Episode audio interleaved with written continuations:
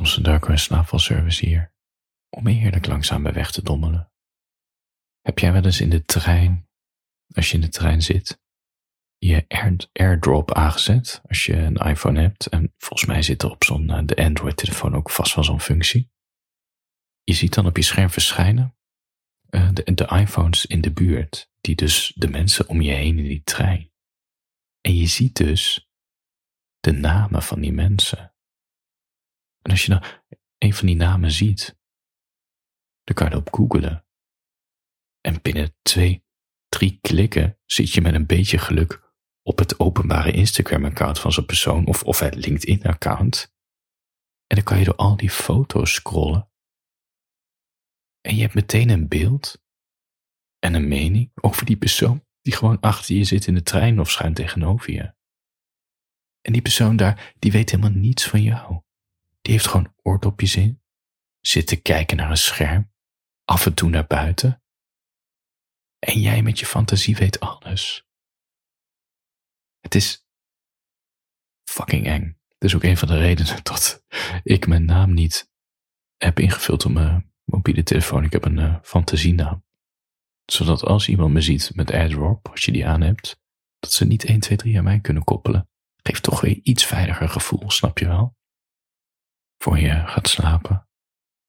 Op het nieuwe stationsplein bij Utrecht Centraal. Het is echt een heel maf plein geworden. Er staat sowieso geen boom. Dat is echt weird. Waar zijn sowieso een heel Utrechtse weg een hekel aan bomen. Maar goed.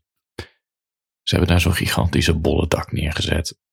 Geen idee waarom, maar het lijkt net alsof er maar eieren in kunnen. Of je er eieren in kan stoppen. Ik stond onder dat dak te wachten op een vriend die met een andere trein aankwam op Utrecht Centraal. En ja, als je daar zo staat in het midden, het is niet helemaal de plek om op je telefoon te staren. Voor, als je naar je telefoon wil staren, kan je toch beter ergens gaan zitten aan de rand. En ik stond. Dus ik keek om me heen. En er gebeurt zoveel. Er komen mensen uit het station, er komen mensen uit dat winkelcentrum, dat Hoge Katerijn, en dan gaan mensen daar naartoe, er gaan mensen in het station, dan lopen mensen richting het stadskantoor. Er zit zo'n grote appie, uh, appie, uh, appie, Heijn zeggen, grote Albertijn. En, en volgens mij zo'n, uh, ja, fastfoodrestaurant. En tijdens dat wachten passeren, ik denk wel honderden gezichten mij. En ik zie ze en ik vergeet ze al die vreemdelingen allemaal een eigen geschiedenis hebben. Een complexiteit aan gevoelens en ambities en teleurstellingen, nou ja, en misschien wel over een half jaar dood zijn.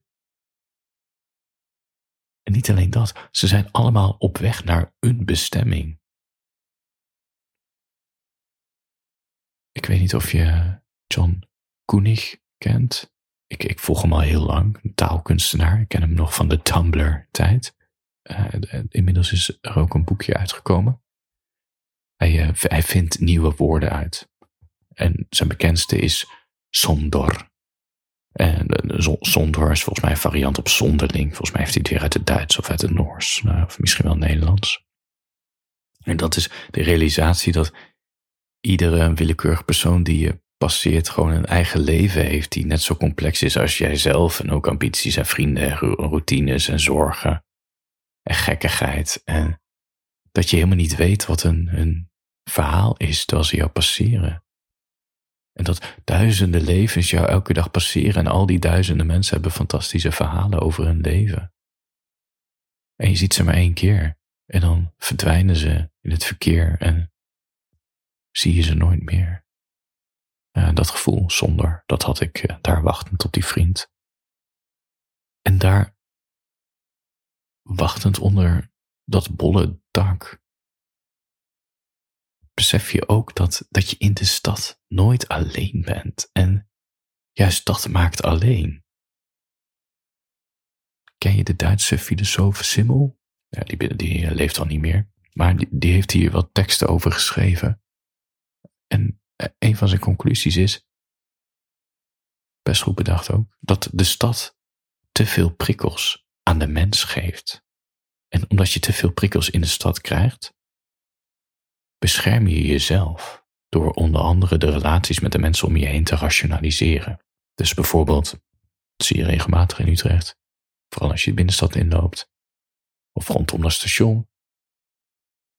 Je ziet iemand in vieze kleren op de grond, rare geluiden brabbelen. Als je langsloopt, steekt hij een hand uit. En in je hoofd maak je een categorie van die persoon, dat is zwerver. En je koppelt er ook gelijk een oordeel aan van, je moet je eigen problemen oplossen. Je kan bedelen, maar ik ben niet verantwoordelijk voor jou. Ik negeer je. En dat is natuurlijk ook waar, want je kan niet alle problemen van de mensen oplossen waar je oog op valt in de stad, dan blijf je bezig. Dat is één argument van Simmel, hoe wij onszelf beschermen. Een tweede manier, zegt hij, dat is dat je een kokon om je heen maakt.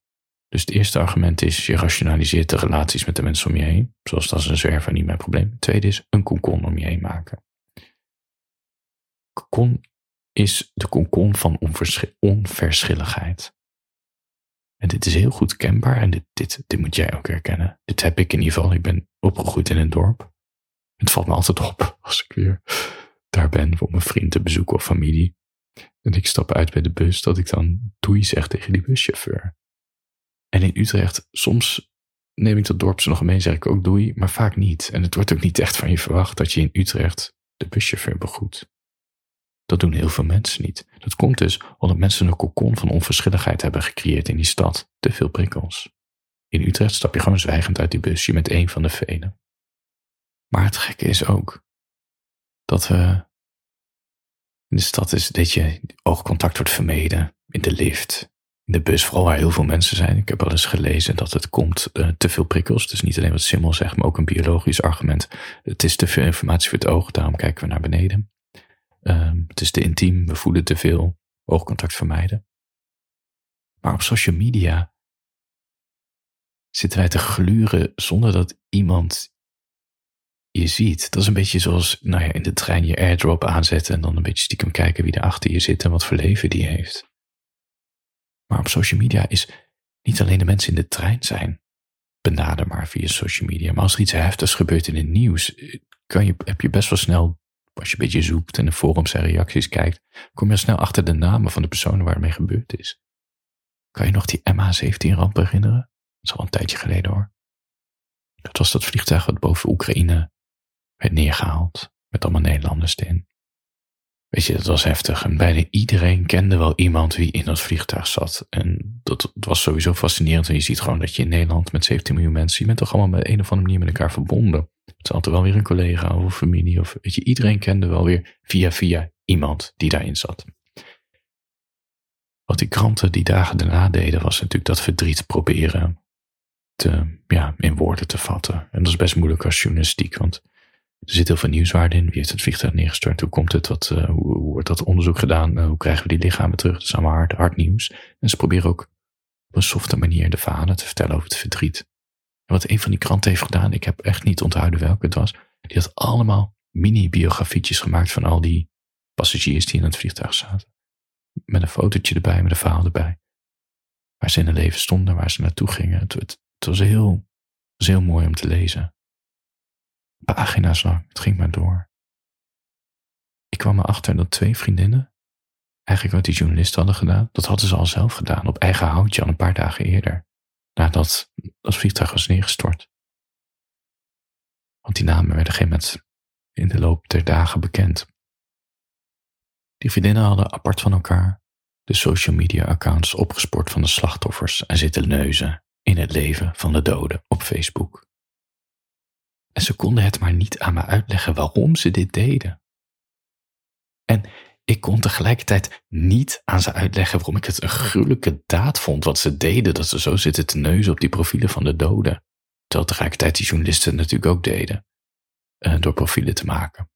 En misschien als ik er nu aan terug, terugdenk, of, of misschien als ik er nu aan terugdenk, komt het omdat het voelt alsof je inbreekt in het huis van de overbuurvrouw die net is overleden en je de jurkjes aanraakt en de haarborstel en de tandenborstel. Het is zoveel intimiteit, terwijl die persoon er niet meer is. Maar goed, en tegelijkertijd, misschien snap ik het nu ook wel, want wat we allemaal doen met die fouilleursacties van in de trein met airdrop, kijken wie er achter je zit, social media een beetje neuzen naar je collega's, social media profielen bezoeken van mensen die zijn overleden.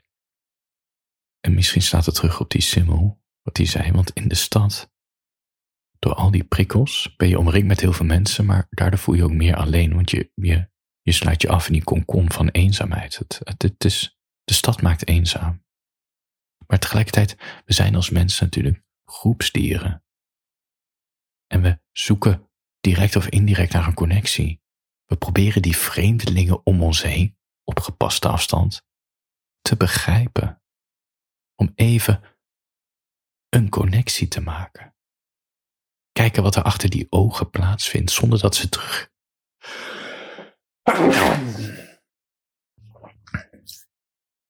Zonder dat ze terugkijken naar ons. Al weten we allemaal, diep van binnen, dat de ander voor altijd een mysterie blijft. Zelfs de persoon waar je elke dag naast je in bed wakker wordt, ook die blijft een mysterie. Voor je gaat slapen. Um, op petjeaf.com slash praat ik nog even door over de, hoe je aandachtiger naar de wereld kan kijken. En niet per se naar de mensen via AirDrop, maar hoe je, hoe je meer de details om je heen kan opnemen. In plaats van naar die telefoon kijken terwijl je wandelt, bijvoorbeeld hoe je, ja, het is een soort aandachtspier. Details, dat kan je heel erg verrijken. Daar praat ik op petje af op verder. Slaap lekker. Handjes boven de dekens.